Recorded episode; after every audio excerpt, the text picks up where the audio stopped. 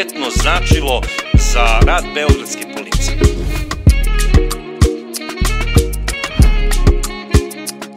Zapravo, to je bila prva sačekuša u Beogradu.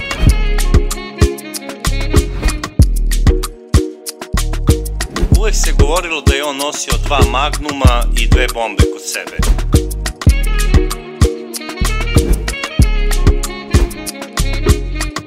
Krimi podcast sa Bracom.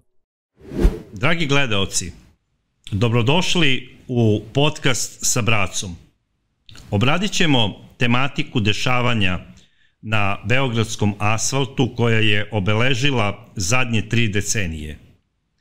Mnogi događaji koji su se dešavali u zadnjih 30 godina ostali su kao NN slučajevi i na tom asfaltu je krv mnogih momaka. Večeras ćemo obraditi tematiku na tu temu da li su ti slučajevi zaista misterija ili se zna eventualno ko je izvršio ova krivična dela. Zapravo, da li postoje neke pretpostavke ko bi bio mogući izvršilac određenih ubistava koja se vode još uvek kao NN slučajevi. Počet ćemo zapravo i kako je sve došlo do kancerogenih 90-ih i moramo se vratiti i na sredinu, znači 80-ih godina, kada je jedan fair play u beogradskom kriminalu preuzeo jedan drugačiji oblik rešavanja nekih slučajeva i razmirica u tom kriminogenom svetu. Moj večerašnji gost je legenda beogradske policije Žarko Popović Pop. Pope, dobrodošao u moj podcast i drago mi je što te vidim. Hvala na pozivu i hvala što ste, što ste me na tako jedan lep način predstavili. Ja stvarno tako i mislim i da jeste. Hvala. Hteo bi pre svega da krenemo zajedno od sredine 80. godina kada u Beogradu se pojavljuje jedan novi vid rešavanja nekih razmirica u tom kriminogenom svetu. A to je pre svega onaj događaj kada je ubijen srpski dač Šulc. Pa molim te da krenemo sa tim. Evo ovako, uh, Ranko Rubežić je bio momak čiji otac bio pripadnik službe bezbednosti, bio mu je otac pukovnik Udbe, znači čovek koji je odrastao u jednom tom ovaj miljevu i onda ti momci su uvek kao, kao maloletnici dok su bili inklinirali su imali želju da rade u takvim ovaj službama. Međutim, sa, godi, sa prolaskom godina njihovim uh, psihofizičkim razvojem oni su osetili u jednom trenutku da se mogu baviti nekim unosnim poslovima kao što je ovaj kriminal. Ranka Rubežića je odlikovala jedna, uh, nearti, jedno neartikulisano, bahato i osiono ovaj, ponašanje i njega su se mnogi ljudi u gradu bojali, jer je on jedan od prvih momaka koji je nosio i vatreno oružje uredno sa sobom, a u jednoj tuči u Čuburskoj lipi je od jednog čoveka uzeo bombu iz džepa, ne njegovo, nego iz džepa tog čoveka koga je tuko i tom bombom mu je bukvalno smrskao glavu. A koji je to period? Koje su to, to godine period u pitanju? To je bio pre njegovog ubistva. Znači 84. peta ovaj godina i tako dalje. Početak 80. 80. Znači. godina. I tu su tu tada oni nisu se bavili nekim poslovima koji se mogu vezati za organizovani kriminal, nego to su bili poslovi gde su oni uh, on i još par nekih momaka tu zahvaljujući toj svojoj brutalnosti od e, ljudi u gradu koji su držali restorane, kafiće, uzimali kao novac na zajam i naravno nikad im nisu vraćali. Oni su bile preteče, da kažemo, reketiranja određenih ugostiteljskih ovaj objekata iz prostog razloga što su se gazde ti kafana bojali ovaj, da im ne naprave neki problem, a i sama činjenica da što su znali da je Ranko Rubežić nosio sa sobom i vatreno oružje i ručnu bombu. Uvek se govorilo da je on nosio dva magnuma i dve bombe kod sebe. Zato su ga izvali Dač Šulc. To je bila urbana ovaj legenda. On, je, uh, on je jedno vreme se skrivao u Beogradu zbog određenih problema, on je imao progon od strane policije, međutim, njih je u jednom trenutku pokrila služba državne bezbednosti Saveznog supa, Saveznog supa na čijem čelu je bio Stane Dolenc koji je od tih bomaka iz grada napravio, boga mi, jednu ozbiljnu ekipu koja će se u, u predratnom periodu slati na područje e, zapadne Nemačke, Austrije, Italije da završavaju određene poslove za službu. U toj ekipi je bio i ovaj, kako se zove, Ranko Rubežić. Međutim, šta se tu desilo? On je u više navrata U Nani je recimo pravi određene probleme i pokojni Giška Božović ga je pretuko. A da li je i Giška bio u toj ekipi? Nije Giška bio u toj ekipi, oni su se znali, kao ljudi iz grada, znate ono, momci da, da, da. iz grada. I oni su se poznavali. Svi su se oni poznavali između sebe. Međutim, on je preterao malo u tom svom bahatom ponašanju i Giška ga jednom prilikom pretuko u Nani i stavio ga je na šine kod Beogradskog dole, kod Bigza, da bi ga tramvaj izgazio. Jeste, tramvajske šine, međutim, završilo se kako se završilo i ovaj Ranko Rubežić je 18. februara 1985. više ljudi nisu mogli da žive od tog njegovog divljaštva i, i, i, i tog, da kažemo, bahatog ponašanja, organizovali su se i lišili su ga života kod istočnih kapija Beograda. Na Zvezdari. Na Zvezdari. Direktan izvršilac je bio uh, Dragan Popović, zvani Dadilja, koji ga je ubio iz krateža, tu je bio i Vuja, uh, Boris Petkov, a u kolima ih je čekao Bojan Petrović.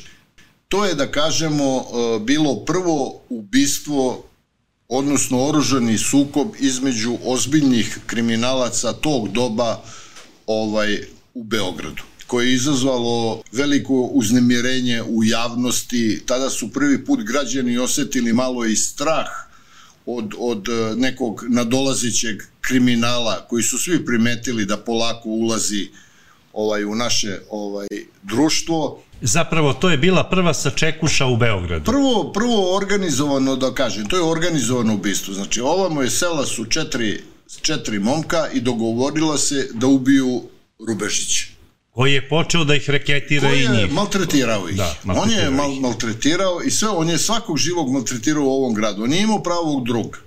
On dok se krio u Beogradu, recimo, za neke gluposti koje je pravio, nigde se nije krio kod nekog prijatelja ili druga koji je takođe iz tog sveta kriminala, nego se krio kod običnog nekog sveta koje je poznao iz detinstva, koji nemaju veze sa kriminalom, a koji su ga takođe iz razloga straha što bi rekli u žargonu, štekovali u svojim ovaj stanovima. Onda je on jedno vreme pre svoje pogibije boravio je u inostranstvu, u Nemačkoj i u Italiji, međutim, ni tamo ništa nije mogao da postigne ozbiljno, zato što je celu svoju tu neku kriminalnu aktivnost bazirao na sileđijskom ponašanju. A to ne može nigde da proći. I u Nemačkoj i u Italiji on ima, boga mi, dobre robije ovaj, je imao. Pope, a spomenuo si da. događaj kod Nane. Ta da. Nana je uh, nekako interesantna, uvek se spominje. Kad da. god je organizovani kriminal Jedini u priči... Jedini klub pravi bio u Beogradu gde su se skupljali, da kažemo, Svi žestoki momci. ozbiljni ti momci. Nana je bila jedini klub tog tipa a koji je takođe bio pokriven od strane službe državne bezbednosti. Čak se pričalo da ga je i državna bezbednost organizovala Sve iz određenih tako razloga. Je, tako je, tako je. I da je sam vlasnik radio za Saveznu... Mirče jeste, njegov da. otac je bio lekar sudske medicine, Uh, njegov sin Mirče, koji je danas ozbiljan i zreo čovek, on je, on je na neki način napravio tu celu priču i ti momci su dolazili. To je, kažem, jedino mesto tih os, krajem 80. godina bilo gde su se skupljali takvi ovaj momci. I Giška, i Arkan, i Darko Ašanin, i cela ta da kažem, plejada beogradskih mangupa. Pravih mangupa. Jeste, dolazili su na to mesto, tu su dolazile i najbolje devojke u gradu, da bi bile viđenje e, sa njima u društvu tu je dolazio i Andrija Drašković i cela ta, da kažem, ovaj, ekipa. Cela ta ekipa je bila pod pokroviteljstvom Savezne udbe. Pa i čuvena Biba Riba je bila devojka Ranka Rubežića u Jeste, početku. To je, da, ona je bila, Da. ona je bila ono što bi rekli gradska devojka. Da, da, da. Ali je bila, ali je bila dobra riba. Bila je, pa zato su je i zvali Biba Riba. Tako je. Dobra je, bila lepa žena, bila sa manirima, lepo se oblačila, bila je pametna žena, družila se i sa pametnim ljudima i eto, imala je, što kažu, neki svoj status u ovome gradu. I priča se čak da je Ranka Rubežića tada sa šinom sklonio i Solero koji je kasnije nestao i on koji Džamba, je da. nestao na vrlo jedan čudan način i vodi se i dan danas kao kao Kao nestao, kao da. nestao, da. Da, ja, jako su neke priče, te ove, te Pa, one, ali nećemo sada o Džambi. Ulaziti u to. Ja bih da. hteo da se vratim konkretno na noćni klub Nana. Ja. Ona je bila okidač kasnije za ukidanje faktički autonomije gradskog supa. Ingerencija tako gradske je. skupštine e, grada Beograda nad gradskom policijom. Reci mi, Pope, šta je to konkretno značilo za gradsku policiju i uopšte za rad Beogradske policije?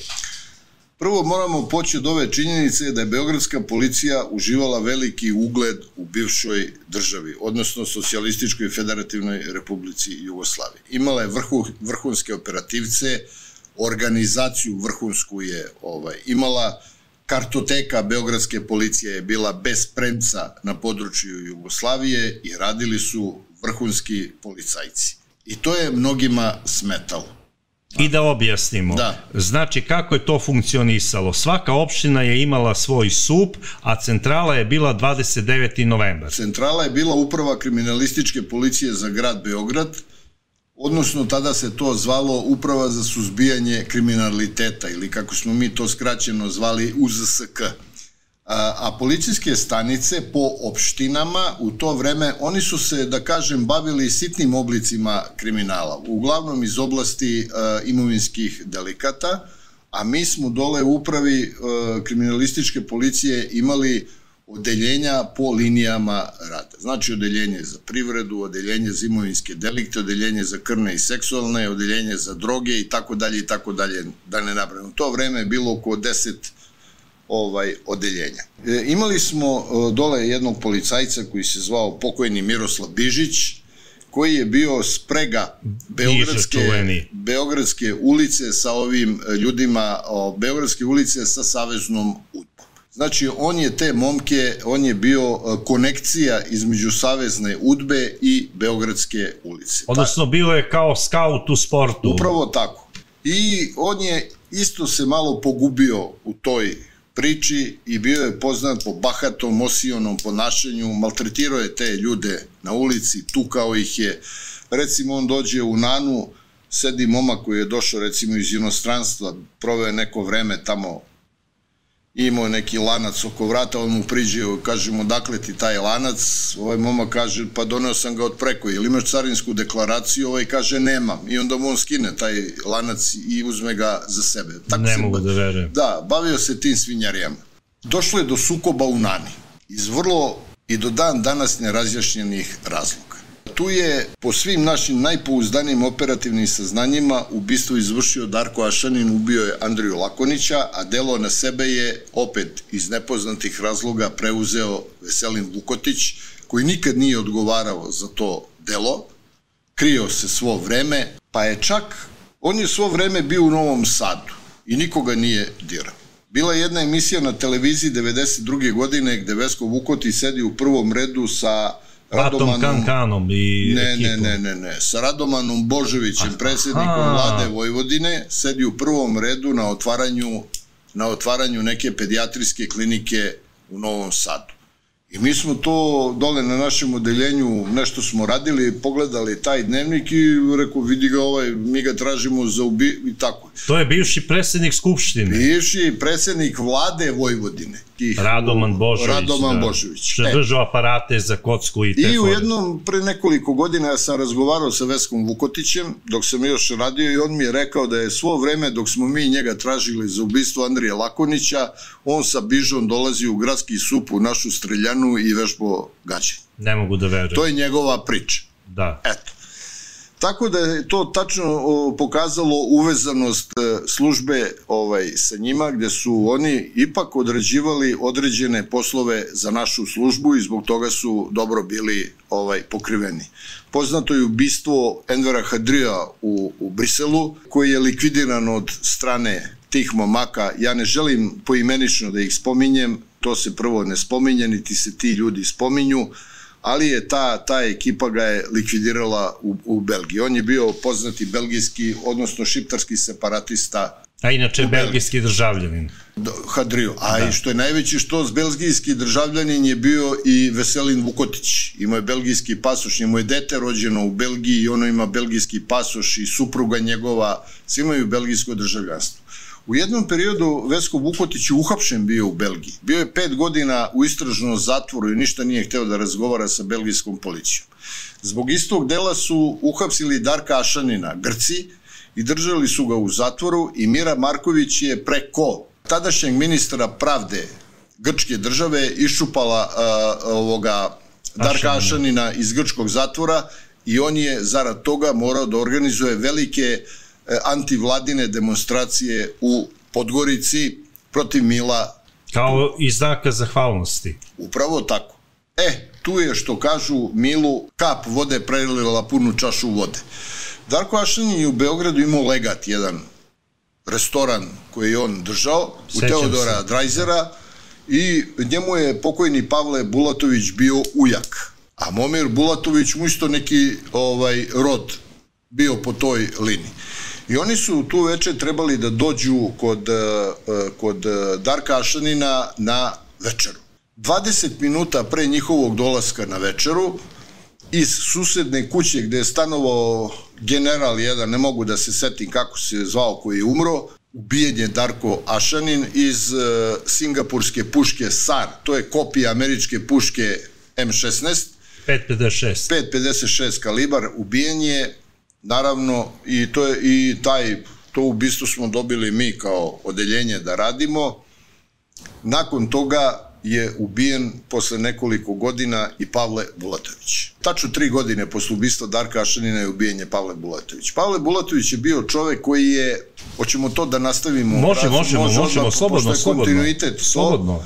Samo ovaj, izvoli. Uh, Pavle Bulatović je bio ministar odbrane i bio je u političkom smislu čovek koji je zagovarao opstanak zaj, državne zajednice Srbije i Crne Gore, govoreći da je to jedan narod, da smo mi jedna država, jedna krv, jedna vera i da nema potrebe da se mi razilazimo i e, tako je ušao u velike političke rasprave sa Milom i generalno sa celim političkim establishmentom tadašnje države Crne Gore. Pavle Bulatović je rekao Miru, Milu, pošto je bio ministar odbrane Pavle Bulatović, da će mu e, čamcima i brodovima ratne mornarice Savezne Republike Jugoslavije potopiti sve te čamce koje Milo koristi za švercovanje ovaj cigareta koji je radio sa talijanskom mafijom. I to je došlo do ozbiljnih uh, sukoba, rasprava, tako je i u jednom trenutku ovaj 2000. godine u restoranu Rad na Banjici dok je Pavle Bulovi, Bulatović pokojni bio onako u jednom komotnom raspoloženju bez pratilaca, bez obezbeđenja samo sa svojim vozačem, sede u, u društvu uh, jednog od direktora prve srpske banke dole u Savskoj ulici što je bila. Da, da, da. Čovek je prišao prozoru i iz automatske puške kalibra 7,62 mm ispalio više sita, uh, hitaca i ubio ga na licu mesta. E, to je bio pomen... Izvinjavam da. se. Ovaj, ubistvo se i sada vodi kao NN, ali Tako se je. spominju neka imena kao Evo, eventualni počinioci. Ja ću vam dati motiv za ubistvo. A zna li se koga je ubio? Zna. Mi smo, pazite, to je tužilaštvo tu veče okarakterisalo kao ubistvo. Mi smo bili e, sa trećeg odeljenja nezadovoljni tom kvalifikacijom, jer smo rekli, ne može to da bude ubistvo, to je teroristički akt. Ubijenje je visoki državni funkcioner na javnom mestu i to ministar odbrane. Od, savezni ministar odbrane ministar odbrane Savezne Republike Jugoslavije u to vreme. Još da. smo bili SRJ. Tako Nije je. bila ona, ona, ona kretenska državna zajednica, nego Savezna SRJ. SRJ. Da. I to je trebalo da bude teroristički akt gde bi mi samo pomagali određenim službama koje imaju resurse i kapacitete da se bave tim, a to je pre svega vojna služba bezbednosti, vojna kontraobaveštajna služba i civilna služba državne bezbednosti. Međutim, tužilac je to karakterisao kao i svako drugo ubistvo, ubistvo i dao u rad trećem odeljenju Uprave kriminalističke policije grada Beograda, odnosno odeljenju gde sam ja ovaj radio. Nama je to, mi, ne, nismo se mi suprostavljali to, nego jednostavno postavili smo jedno logično pitanje. Zašto, zašto mi to da radimo kad nemamo neophodne kapacitete to da radimo? Nemamo mogućnost prisluškivanja telefona, Vi u tom trenutku ste morali da bi odradili ličnost Pavla Bulatovića, da obavite razgovor sa svim njegovim saradnicima iz Ministarstva odbrane. A nemate nadležnost? To. Ne, imamo nadležnost, ali oni neće da pričaju sa nama. Kažu, nemamo šta mi sa vama da pričamo. Otprilike, vrlo su se bahato, poslovna bahatost ona tih ljudi je bila. Nije im bilo uopšte stalo to da rade. Zašto? Pa zato što su znali odakle vetar ovaj duva. Nego je čak general Vasiljević E, kad ga je pozvala parlamentarna grupa e, e, parlamenta Srbije da da neko objašnjenje za ubistvo Pavla Bulatovića, rekao da je mogući motiv za ubistvo Pavla Bulatovića neke nabavke za Vojno-medicinsku akademiju. Pa ne bavi se Pavle Bulatović nabavkom skenera na VMA. Ili to rade, lekova. Ili lekova. To rade njegovi sarednici po liniji rada. On se bavi strateškim pitanjima u Ministarstvu odbrane kao, kao kao politički predstavnik e, u, u ministarstvu odbrane jedne stranke koja ga je delegirala za ministra odbrane. Znači on se bavi strategijom rada nacionalne bezbednosti i ministarstva ovaj odbrane, a ne nabavkom skenera na vojno-medicinskoj gde, što je nama bilo jako smešno. To je general Vasiljević izjavio. Pošto smo mi, radeći taj predmet, došli do ozbiljnih operativnih podataka da je direktan izvršilac tog krivičnog dela Ivan Delić, a da ga je na lice mesta doveo Veljko, pokojni Veljko Cerović, i da je još tu ljudi bilo uključeni, jer su oni morali propratiti Pavla Bulatovića i njegovo kretanje, verovatno danima da vide da li ima obezbeđenje, koliko je ljudi obezbeđenje, kojim kolima se kreće, gde privatno svraća. I kad su sve to odradili, propratili su ga do restorana Rad, je bilo neko guslarsko veče, ono On je druženje bio, njihovo. druženje, da. bio je bez obezbeđenja i što je bio vrlo pogodan moment da se iskoristi za njegovu likvidaciju što je i urađeno. Žarko, ako se Da. ne varam, Ivan Delić je osuđen na 40 godina i nalazi se u zatvoru u Atini ovaj, zbog šverca kokaina, 200 kg kokaina. Moguće, moguće, on je inače bio profesionalni ubica službe, e, e, službe državne bezbednosti Crne Gore. A da li je pripadao onom famoznom klanu Amerika, o kome ćemo Ne, kasnije? ne, ne on nije. je pod direktnom kontrolom bio ovaj crnogorske službe i pazite, kad je ubijen Veljko Cerović, on je ubio i Veljka Cerović, ovog čoveka koji ga je doveo do mesta gde je ubijen Pavle Bulatović, u jednom kafiću koji je Veljko otvorio, a taj kafić se tačno nalazio ispod stana Zorana Đinđića na studetskom trgu. I istu tu veče Zorana Đinđića su po hitnom postupku evakuisali iz tog stana na neku bezbednu Lokaciju. Ovaj, lokaciju. Kao preventivno su to uradili.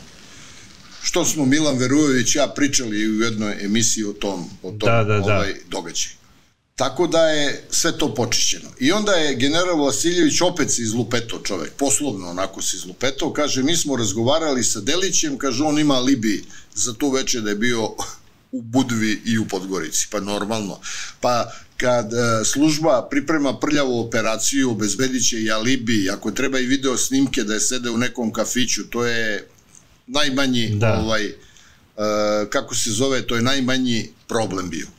Šta se sada dešava? Posle ubistva Veljka Cerović, pošto je Veljko Cerović napravio, boga mi, dosta apartmana na području Svetog Stefana i to vrlo na atraktivnim Da, lokacijama. da, da, da, da. Sve te apartmane je oduzeo otac Ivana Delića i prisvojio sebi. Neverovatno. To je činjenica, braco, znači, tačna 200%. Verujem e, da Svima ne je verujem. nama to jasno ovaj bilo ko dan. U kontekstu ubistva Pavla Bulatovića stavlja se kontekst ubistva Žike Petrovića, direktora JATA, Jata. i ubistva Branka Bulatovića, generalnog sekretara, odnosno Fudbalskog sekretara saveza. Futbolskog saveza Savezne Republike Jugoslavije. Isti nalogodavac, sad da li su iste ubice. Sad ovako, kada je Žika Petrović je po funkciji bio i član vlade, kao generalni direktor On je iz Požarevca, ako iz se ne varam. Požarevca rodom, jeste, Žika je bio uh, uh, veliki ljubitelj jat, jata, voleo je jat. Ja mislim da bi on džabe radio u jatu, toliko je voleo taj svoj posao, život je dao, što I kaže. voleo je Jugoslaviju. Voleo bio čovek, dobar čovek, lavčina onako bio. Nije Što- bio nacionalista. Ma kakav nije, nacionalista, bio šmekar čovek koji je voleo posao da, radi, da razvija kompaniju, samim tim i zemlju i tako dalje. I on je u jednom trenutku, pošto je video da Crna Gora se izvlači iz eh, državne zajednice, da bi predupredio određene materijalne gubitke jata, on je na vladi Srbije postavio, rekao, da aerodromi Golubovac i ovaj, Tivat. Tivat su vlasništvo Jata. vlade Republike Srbije. I onda su oni potegli to pitanje, međutim Crnogorci nisu hteli da čuju da, da, da, da raspravljaju sa nama o tome, jer su već bili odnosi dovedeni do usijanja između naše dve ovaj, Države, republike. Republike. Da. I kako se zove, Žika je zatražio međunarodnu arbitražu o svojinskim odnosima vezano za ta dva aerodroma i jedna britanska kompanija, da li je Lloyd ili ne znam koja, uradila je tu svojinsku arbitražu i dokumentovala da su apsolutni vlasnici oba ta aerodroma vlada Republike Srbije. Dva dana posle ovaj tog dokazivanja Žika Petrović je ubijen ispred kapije kuće njegove tašte u ulici Jaše Prodanovića u Beogradu. Tako što mu je izvršilac prišao i iz vatrenog oružja, nećemo govoriti kojeg, pošto je Da. to još živi predmet, na kome je bio namontiran prigušivač, ispalio jedan projektil u glavu i lišio ga života, a zatim se udaljio u nepoznatom pravcu. Ista priča je do nas došla kao i za Pavla Bulatovića, da to ide direktno od Mila. Ista priča došla je i za Branka Bulatovića. Za Branka Bulatovića smo imali tačno ime i prezime ubice, koga smo stavili na mere. Nismo hteli odmah da ga hapsimo, da bi videli širi kontekst celoga događaja.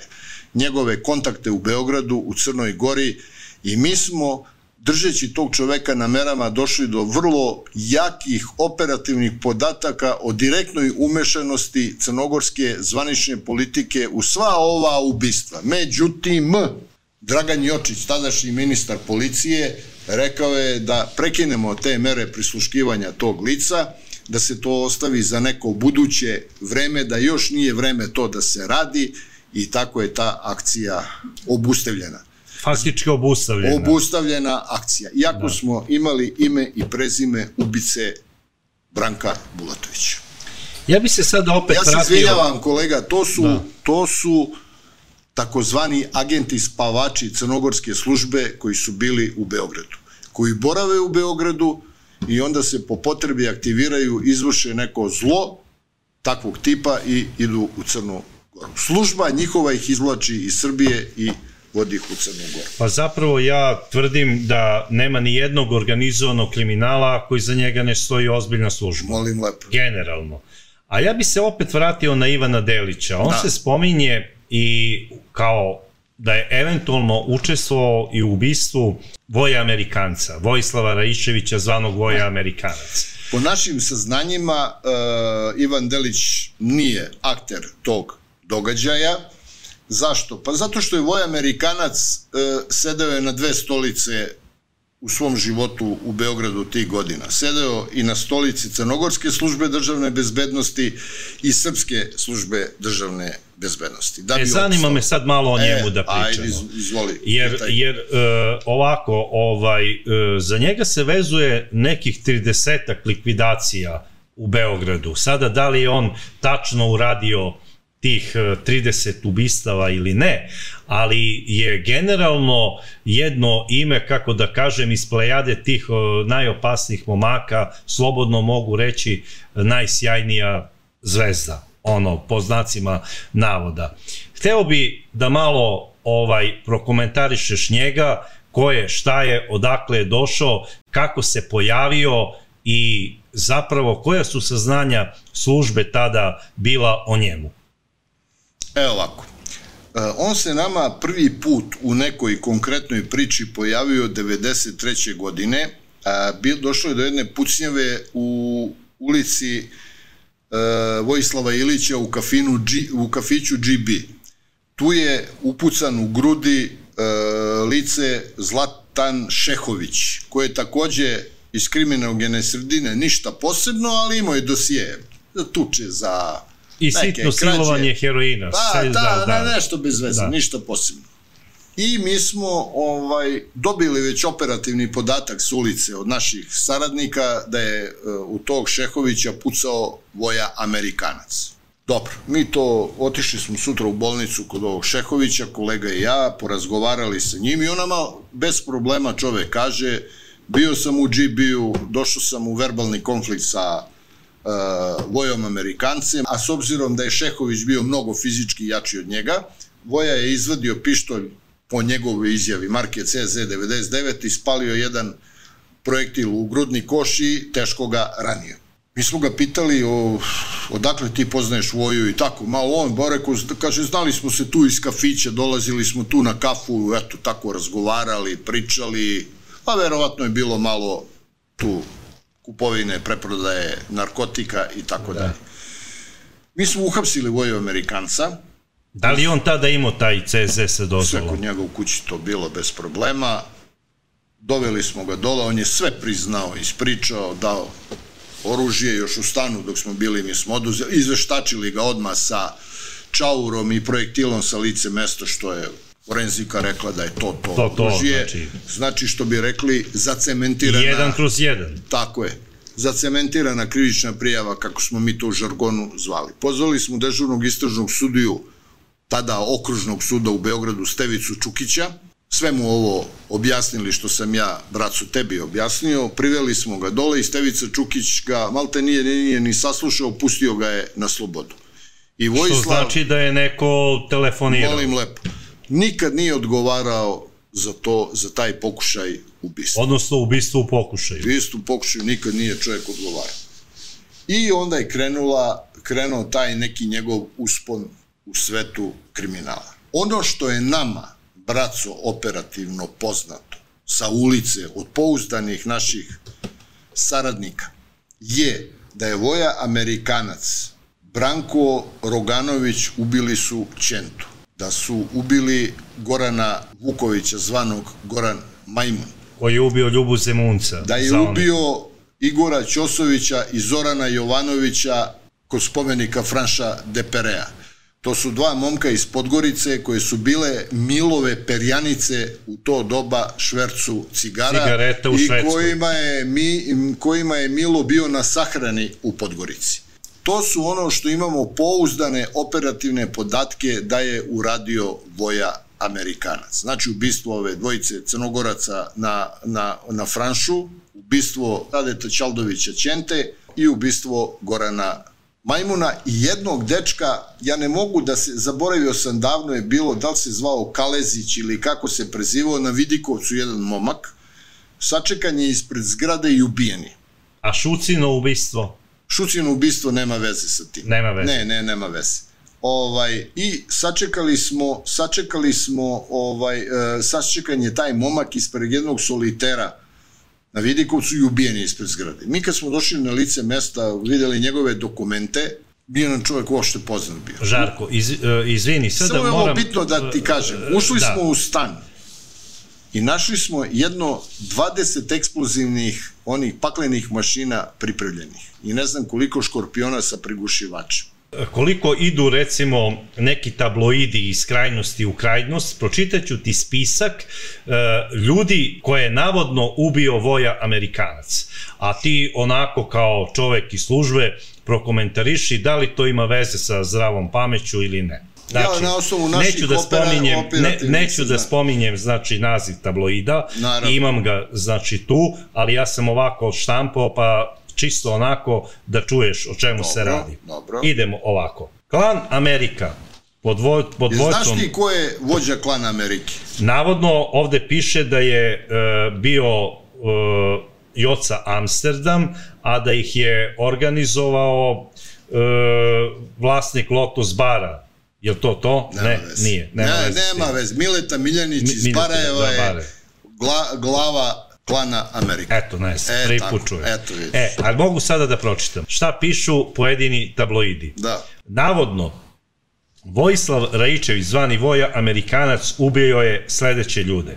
Mišu Tajgera Cvetičanina, Milana Roga Roganovića, Gorana Vukovića Majmuna, Radeta Ćaldoviću Ćentu, Maju Pavić Arkanovu kumu, ubio je navodno Nebojšu Đorđevića Šucu, supruga, supruga prve legijine žene, Lidije, zatim da je ubio Jusufa Bulića Jusu, da je ubio Zorana Šijana, da je ubio Pavla Bulatovića, da je ubio pukovnika policije Dragana Radišića, da je ubio generala pukovnika policije i načelnika resora javne bezbednosti Radovana Stojičića Bađu, da je navodno ubio pukovnika policije Mil- Milorada Vlahovića, da je navodno ubio pukovnika policije Dragana Simića, da je e, navodno ubio inspektora policije Bižića, što mislim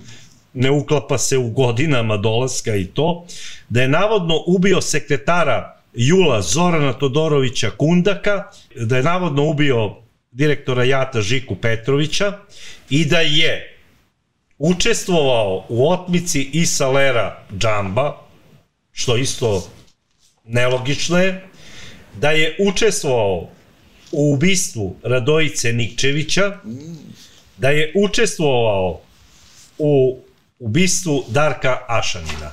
E sada, Ovako, u redu, taj spisak novinari kao novinari pišu iz raznih razloga, najčešće zbog tiraša. To je nešto što je normalno. Ja kao pripadnik e, odeljenja koje se bavilo e, i koje je jedino u Beogradu se bavilo ubistvima, NN ubistvima. Znači, radili smo na rastreljavanju ubistava sa nepoznatim izvršiocem. Mi smo rasvetlili taj pokušaj ubistva od strane voja Amerikanca tog Šehovića, a na bazi pouzdanih operativnih podataka i naših saradnika s ulice, e, dobili smo informaciju da je Voja direktan izvršilac i ubica e, e, ovoga Radeta Ćaldovića Ćente i njegove devojke koja je bila u tom momentu sa njim u kolima Maje Pavić. Cecine zbog kume. navodnog duga od 80.000 Nikakvog duga, eura. to je ono, nema čoveka, nema problema.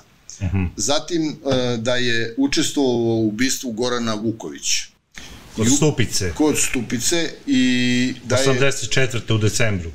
Kako koje godine? 94. u decembru. 94. tako 94. je. I ovaj, da je ubio ovog dečka Kalezića gore na Vidikovcu, u čijem stanu su pronađene velike količine eksplozivnih naprava i škorpiona sa prigušivačem. Za vršenje, znači, određenih atentata u Beogradu.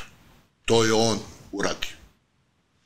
To je ono što mi kao služba raspolažemo sa operativnim podacima. I da je ubio, kažem, Zorana Jovanovića i Igora Ćosovića na uh, trgu Franša Deperea.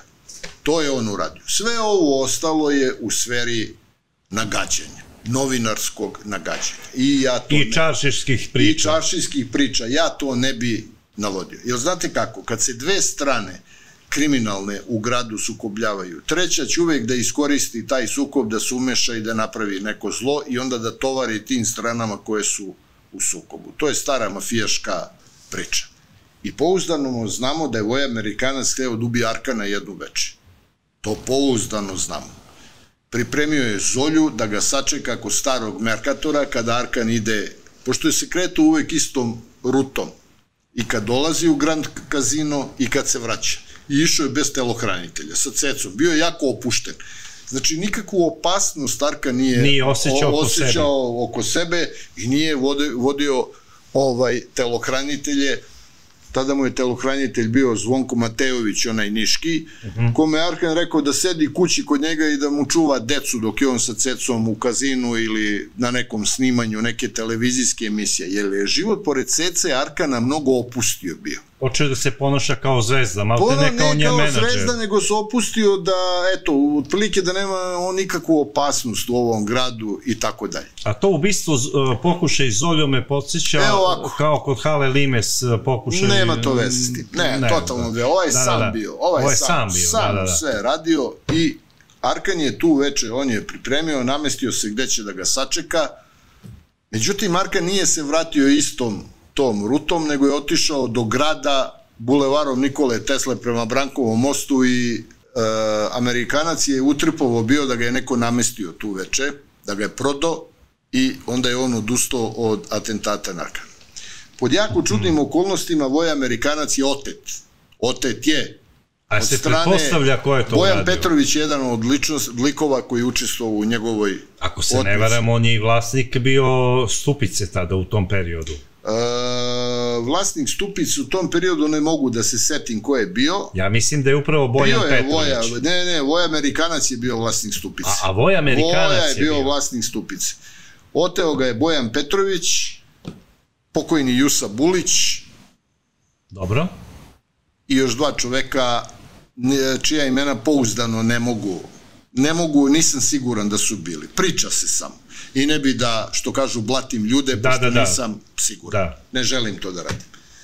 Oni su ga odveli... Spominje se i Darko Ašanin, ali ja to... Kako, Darko Ašanin, znači nema, nema veze. Ma, nema veze. Da. Darko Ašanin je bio mrtav u veliko kad se to desilo. Znači tabloidi da, pišu... Da, tabloidi lupaju gluposti. Da. I ovaj odveden je na jedno mesto gde Ovo je, je decembar 97. Ne, leto je bilo kad je ubijen, kad je otet tvoj Amerikanac. Let, letnji period je bio duše. Letnji mm. period. I odveli su ga, odveli su ga na jednu lokaciju gde su ga vinogradarskim makazama mu sekli prste, jezik, tukli ga, maltretirali, da ispriča sva svoja zlodela koje ima u Beogradu, po čijem nalogu je radio. Znači, onako kvalitetna jedna obrada bila. I naravno onda su... Sa mafijaške strane gledištom kvalitetna obrada. Tako je. I onda su ga negde, braco, odveli, zakopali ga, zapalili mu džip i Voj, Vojislav Rejčević se i dan danas vodi kao nestalo lice. Ja bih samo da spomenem... A akteri tog događaja obojica su likvidirani. Liki, I Bojan Petrović i Jusuf Bulić. Ja bih samo da napomenem da isti ovaj tabloid koji je izdao ovaj spisak, da. znači imena, on je, ovaj, što znam da to nije tačno, ovaj, on je naveo da je telo voja Amerikanca pronađeno kod Golubca zabetonirano i bačeno u Dunav. I da su pored njega još dva leša, najverovatnije e, telohranitelji Vojislava Rajičevića.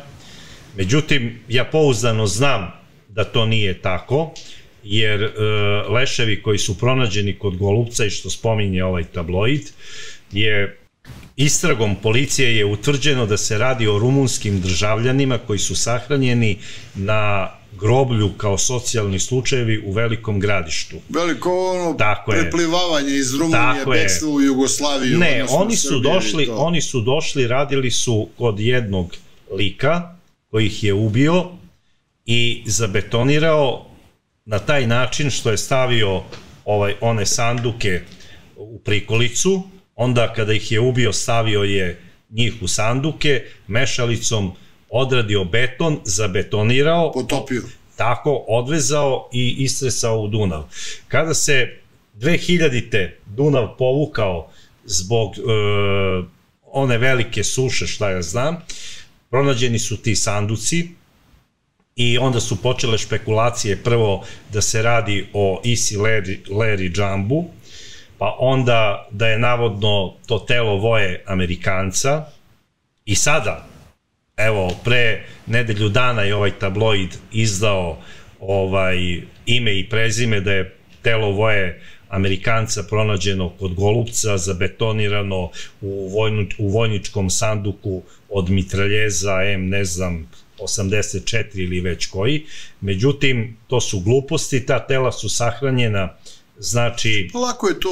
Uh, sada DNK analizom to DNK može tako iz koštane srži uzme se Tako i uporedi je, se sa je. vojinom decom i, i, i drugo, problem. i drugo. Garderoba koja je pronađena kod tih pokojnika koji su zabetonirani u tim sanducima je jako, kako bih rekao, lošeg kvaliteta. Voja se oblačio po zadnjoj modi i Gucci, Armani, tako je, tako je. on je bio što se toga tiče perfekcionista. Tako je, perfekcionista. Da. I ovaj, generalno tvrdim da se ne radi o voji Amerikancu, a na kraju krajeva sada je Lako je medicina utvrditi identitet, otišla. danas je identitet, identitet najlakše utvrditi je. ako imaš čin DNK profil da uporediš. Tako je. S A obzirom da su- Voja Rajičević ima Uh, ima, Ima i ima brata, i brata, ima, ima, i je. decu svoju. Je.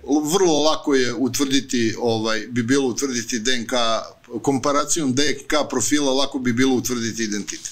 Vrlo lako. Da, tako da tvrdim, Međutim, to nema veze tako da odgovorno tvrdim Naravno, da naravno. se ne radi o Voji Rejčeviću. Apsolutno se slažem s tobom, Breco. I ovaj, da. hteo bih samo da prokomentarišem recimo ubistvo Zorana Šijana i Jusufa Bulića. Zoran Šijan je napravio jednu kardinalnu grešku. U to vreme u, na području Češke, Slovačke i severnog dela Srbije, znači gore Subotice i tog dela, pojavila se jedna organizovana kriminalna grupa koja je putem izvršenja krivičnog dela razbojništva. Ti znaš, bracu, šta je? Da, kako da ne. upotreba sile i ozbiljne pretnje, da se od nekog otući tuđa pokretna stvar. Ti su ljudi otimali kvalitetne kamione i autobuse. To im je bio bondus operandi. Faktički ono hajdučija, savremena I hajdučija. ajde što su otimali, nego su u nekoliko slučajeva ubi, ubili i vozače. Znači, to je onaj razbojništvo iz stava 2 bilo. Da, da, da. To je posle terorizma najteže krivično delo bilo u našem krivičnom zakonodavstvu. Da. Jedan od tih autobusa je završio, pošto su su to vreme taj surčinski klan bavio trgovinom motornim vozilima, kradenih pre svega, došli su u posed jednog takvog e, autobusa visoke klase, koji u to vreme imao klimu, monitore iznad sedišta, znate, one slušalice za muziku, svako sedište imalo. To je u vreme bili ono baš vrhunski autobusi. Došao je Zoran Šijan u posjed jednog takvog autobusa. I on je ponudio Arkanu, pošto je dobar sa njim bio preko sporta i tako dalje, da mu proda takav autobus za njegov futbalski klub e, Obilić. Arkan mu je lepo rekao, jeli Zorane, nemoj da je iz neke prljavštinje autobus, hoću da je čist, platit ću koliko god treba, nemoj samo da, da mi dođe sutra otprilike policija na vrata zbog toga. Ma kaže, Željko tamo posla da bi ja tebi prodao tako takav autobus i Željko je od Šijana kupio autobus negde za 33-35 hiljada maraka u to vreme. Šta se dešava? Jedno jutro mi bili smo na jutarnjem sastanku koji je organizovan na nivou čitave uprave. I sastanak je baš vodio pokojni Milorad Vlahović, Laja, ovaj što je ubijen. Laja, da. da. I ovaj, kaže, e, kolege, došla je depeša iz Interpola, pa nam objasni za taj razbojništvo koje se dešavaju na području Slovačke, Češke, Mađarske, Subotice i tako dalje, i da se jedan od tih autobusa nalazi u posedu Željka Ražnatovića. Naravno, ekipa sa motornih vozila otišla je i rekli su Arkanu, sve mu objasnili i rekli mu dođite dole da date izjavu i Arkan je došao i sve ispričao bukvalno. Od koga je kupio autobus, koliko ga je platio, da je skrenuo Šijanu pažnju da ne bude prljav autobus, mislim, ne mislim bukvalno u fizičkom smislu prljav, nego da mu je poreklo Da se zna prljavo. poreklo, tačno. Jeste, i sve je to ovaj, objasnio. Dva dana posle toga Šijan je ubijen na uglu Svetozara Markovića i Nemanjene ulice. A krenuo je iz uh, kafića Prive koji drži žena bivša žena Andrije Draškovića, a tu veče u kafiću je bio i Andrija Drašković. I kad je krenuo iz kafića kući, tačno na uglu Nemanjine i Svetozara Markovića, pričao mu je, uh, ubijen je iz dva kalibra, iz Magnuma 357 i Škorpiona. Znači, puca, pu, dva lica su pucala, jel da? Ili jedno lice iz dva orušja. Da, overa. Overa Ubistvo bila pa overa. Magnumom, tako Da, je. Magnumom tako overa, je. da. E, Tako da, tako je ta priča završena. Da. A... Jusuf Bulić je ubijen, bio je sedeo u onom njegovom uh, kafiću 22, 22 na, na Novom Beogradu. Beogradu. U jednom trenutku iz kola su istečala lica sa automatskim puškama, ubili su njegovog telohranitelja, odmah na licu mesta su Pripadnika garde. Ne garde, nego pripadnika 72. brigade vojske Jugoslavije, koji je privatno radio za Bulića. To mu dopunski posao bio. Kao telohranitelj. Telohranitelj. I on je ubijen prvi na licu mesta, pucalo se odmah na Jusu, Jusa je ubijen i onda je čovek prišao sa automatskom puškom i overio Jusu u glavu još jednom.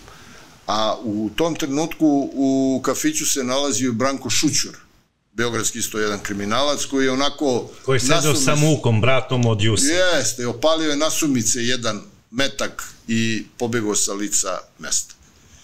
Kasnije, kroz operativni rad na terenu i u razgovoru sa njegovim najboljim i najbližim saradnicima Juse Bulića i njegovom porodicom, svi su izjavili da ga ubio Željko Ražnatović Arkan. U dogovoru sa pokojnim Zoranom Uskokovićem Skoletom. Interesantno, a da. u tom periodu se pričalo da su zapravo Jusa i Arkan e, najbolji ortaci, da Oni je navodno... Oni su imali korektan odnos, ali, ali postojala je jedna ozbiljna priča da je Jusa pripremao ubistvo Željka Ražnatovića. Da bi preuzeo poslove... Da bi preuzeo određene poslove da bi ga skinuo sa Grbače. Jer Arkan je svima bio na Grbači u ovom gradu. U svi su reketiranja ili... Ne reketiranja, svi su ljudi morali za njega da rade. Po bilo kom osnovu.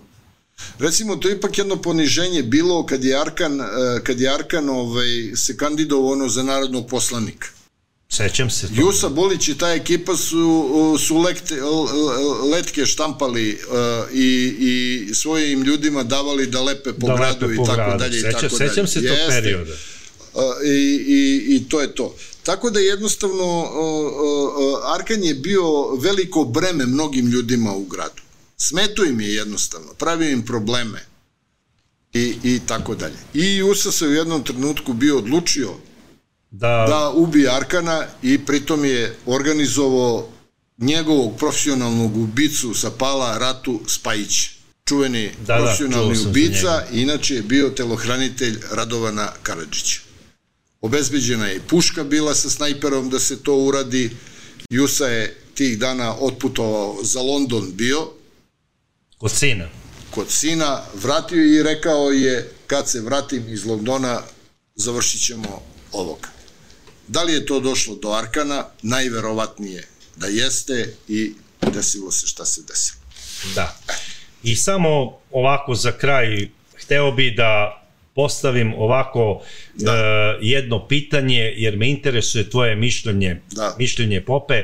Ko je to uh, bio razlog tako dobrog druženja između Arkana i Radovana Stojičića. Ipak je Radovan Stojičić obavljao malte ne jednu od glavnih funkcija u državi. Načelnik resora javne bezbednosti. I VD... Ili ti ga, ili ti ga što bi danas rekli, direktor, direktor policije. policije. da. A bio je načelnik resora i prvi zamenik ministra policije. Što, a pošto su i resor državne bezbednosti i resor javne bezbednosti u to vreme bili zajedno pod uh, kapom MUPA Republike da. Srbije, Bađa je čak po funkciji bio nadređen i Jovici Stanišiću. Znači bio je faktički treći čovek u državi. Ma bio je po mnogim stvarima prvi čovek u državi. Prvi čovek u državi. Yes. E, I bio je relativno mlad, imao je 38 bio je godina. mlad, u punoj fizičkoj i mentalnoj snazi i on je, on je, uh, on je kao dobrovoljac pridružio se uh, vojsci Republike Srpske krajine tada, o Slavonija, Zapadni Srem i Baranja, u cilju obučavanja tih ljudi. Znači, instruktažu su radili uh, tamo na području ovaj, navedenih ovih oblasti. I u jednom trenutku i Željko Ražnatović Arkan se pridružio toj vojsci Republike Srpske pod njenu komandu, vodeći dobrovoljce koji su ovaj dobrovoljno pristali da brane srpski narod od Ustaša na tim teritorijama. Faktički to su bili uglavnom zvezdini navijači. To su bili ljudi navijači koji su uh, i svojim poreklom poticali ovaj Iz tih predela. iz tih krajeva, roditelji im bili od, ili su oni bili poreklom direktno iz tih krajeva i došli su da se bore da se bore protiv hrvatske nasilne secesije. Jer tada Hrvatska, braco, još nije bila priznata kao međunarodni subjekat. Ona je još bila u sastavu Jugoslavije. Da, I da, kad da. je bila Vukovarska operacija, nijedan naš oficir niti borac nije odgovarao u Hagu zbog e, borbenih dejstava u Vukovaru. Sudije Haškog tribunala rekle su mi nemamo ništa protiv što je Jugoslovenska narodna armija se borila protiv nasilne secesije Hrvatske u Vukovaru. Nego imamo problem zbog ubistva ratnih zarobljenika na Ovčari. Da. A ovaj, e, na ovom spisku ovog Da. tabloida nalazi se upravo i Bađa. Da. E, On je bio vodio taj kamp za instruktažu samo. Bađa nije učestvovao direktno u borbenim dejstvima, on je došao na područje Slavonije, Baranje i Zapadnog Srema posle završenog rata na tim da bi obučavali vojsku. To je sve bilo na dobrovoljnoj osnovi. I To je okej, Ja. ali da li je ovaj klan Amerika imao razloga da ubije Radovana Stojičića Ne, Bađu? nema veze, ta priča ide kao posledica šverca cigara koje je radio Radovan Stojičić Bača. U to vreme cigare su radili Crnogorci, naftu je radio Željko Ražnatović Arkan, drogu su radili neki drugi ljudi čija imena neću da ovaj, Iz spominjem iz razloga. određenih razloga i operativnih razloga, O, da. neću da spominjem. Eto, ušao je nekome, što Na kažu, crtu, ono što se ušao kaže. mu je u prostor gde nije trebao da uđe i dobio je po glavi. Jel šta će načelniku Znači, u resora, principu ne zna se ko je Popaj. šta, ćemo, šta će načelnik, pored načelnika resora javne bezbednosti u restoranu Mama Mia 600 i nešto hiljada maraka? Sa tadašnjim uh, Carinikom ministrom, carinikom, da, da. Nije to ministar bio, nego obični carinik je bio. Nije to Bracika Kertes bio, ko što ti misliš. To je običan jedan carinik bio. Ja sam bio da je on... uh, Ne, ne, ne, on ne, je ne, bio- ne, ne, ne, običan carinik jedan je bio s kojim sam ja razgovarao.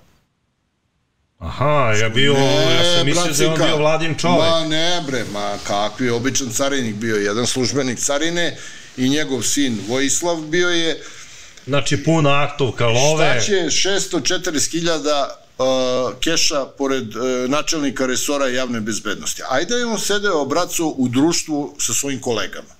Generalom tada Mišićem, Obradovićem, Vlastimirom Đorđevićem i tako dalje tim ljudima, pa da kažeš ajde neka lova skupljena za opremanje specijalnih naših jedinica, pripremao se rat tada na Kosovu, za, za izvođenje obuke i tako dalje i tako dalje. Namenska lova za pripadnike Da. A da I li dan je danas je ostalo nerazjašnjeno to ubistvo? Ne, ne, prvo, dakle ta lova i čija Da. je ta lova. To je i dan danas ostalo, braco, nejasno. Interesantno. E, A da li je... A njegov brat je, ja se izvinjavam, kad je Da. bila akcija Da. Sablja rođeni, brat u Sokoban je uhapšen zbog iste priče. Zbog iste priče. Zbog njegov brat. ogromne količine cigareta koja je pro, pronađena kod njega.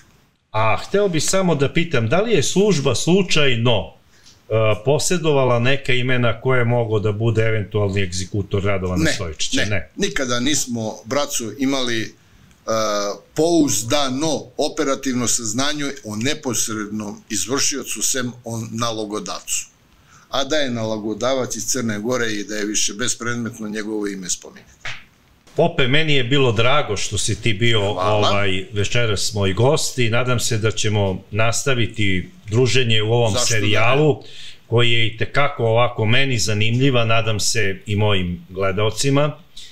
E, mislim da sam bio ovako pristojan kao domaćin, da nisam postavljao neka I pitanja više od toga, su... zato što si ti, braco, takođe pripadnik naše službe i tebi su ove stvari manje više da kažem i terminologija koju mi koristimo u našem razgovoru, tebi je to poznato Da. i meni je mnogo lakše kad sa tobom razgovaramo nego sa ljudima koji nisu iz te priče i onda često dobijaš i neka nesuvisla pitanja na koje je jako teško dati onako racionalan neki odgovor. Hvala Tako da na- je sa hvala na tobom vrlo lepo mišljenju. bilo razgovarati. Hvala. E. Dragi gledalci, mi se vidimo u sledećem podcastu. Pošaljite mi u vašim komentarima koje biste teme želeli da obradimo. Do sledećeg viđenja, pozdrav! Krimi podcast sa bracom.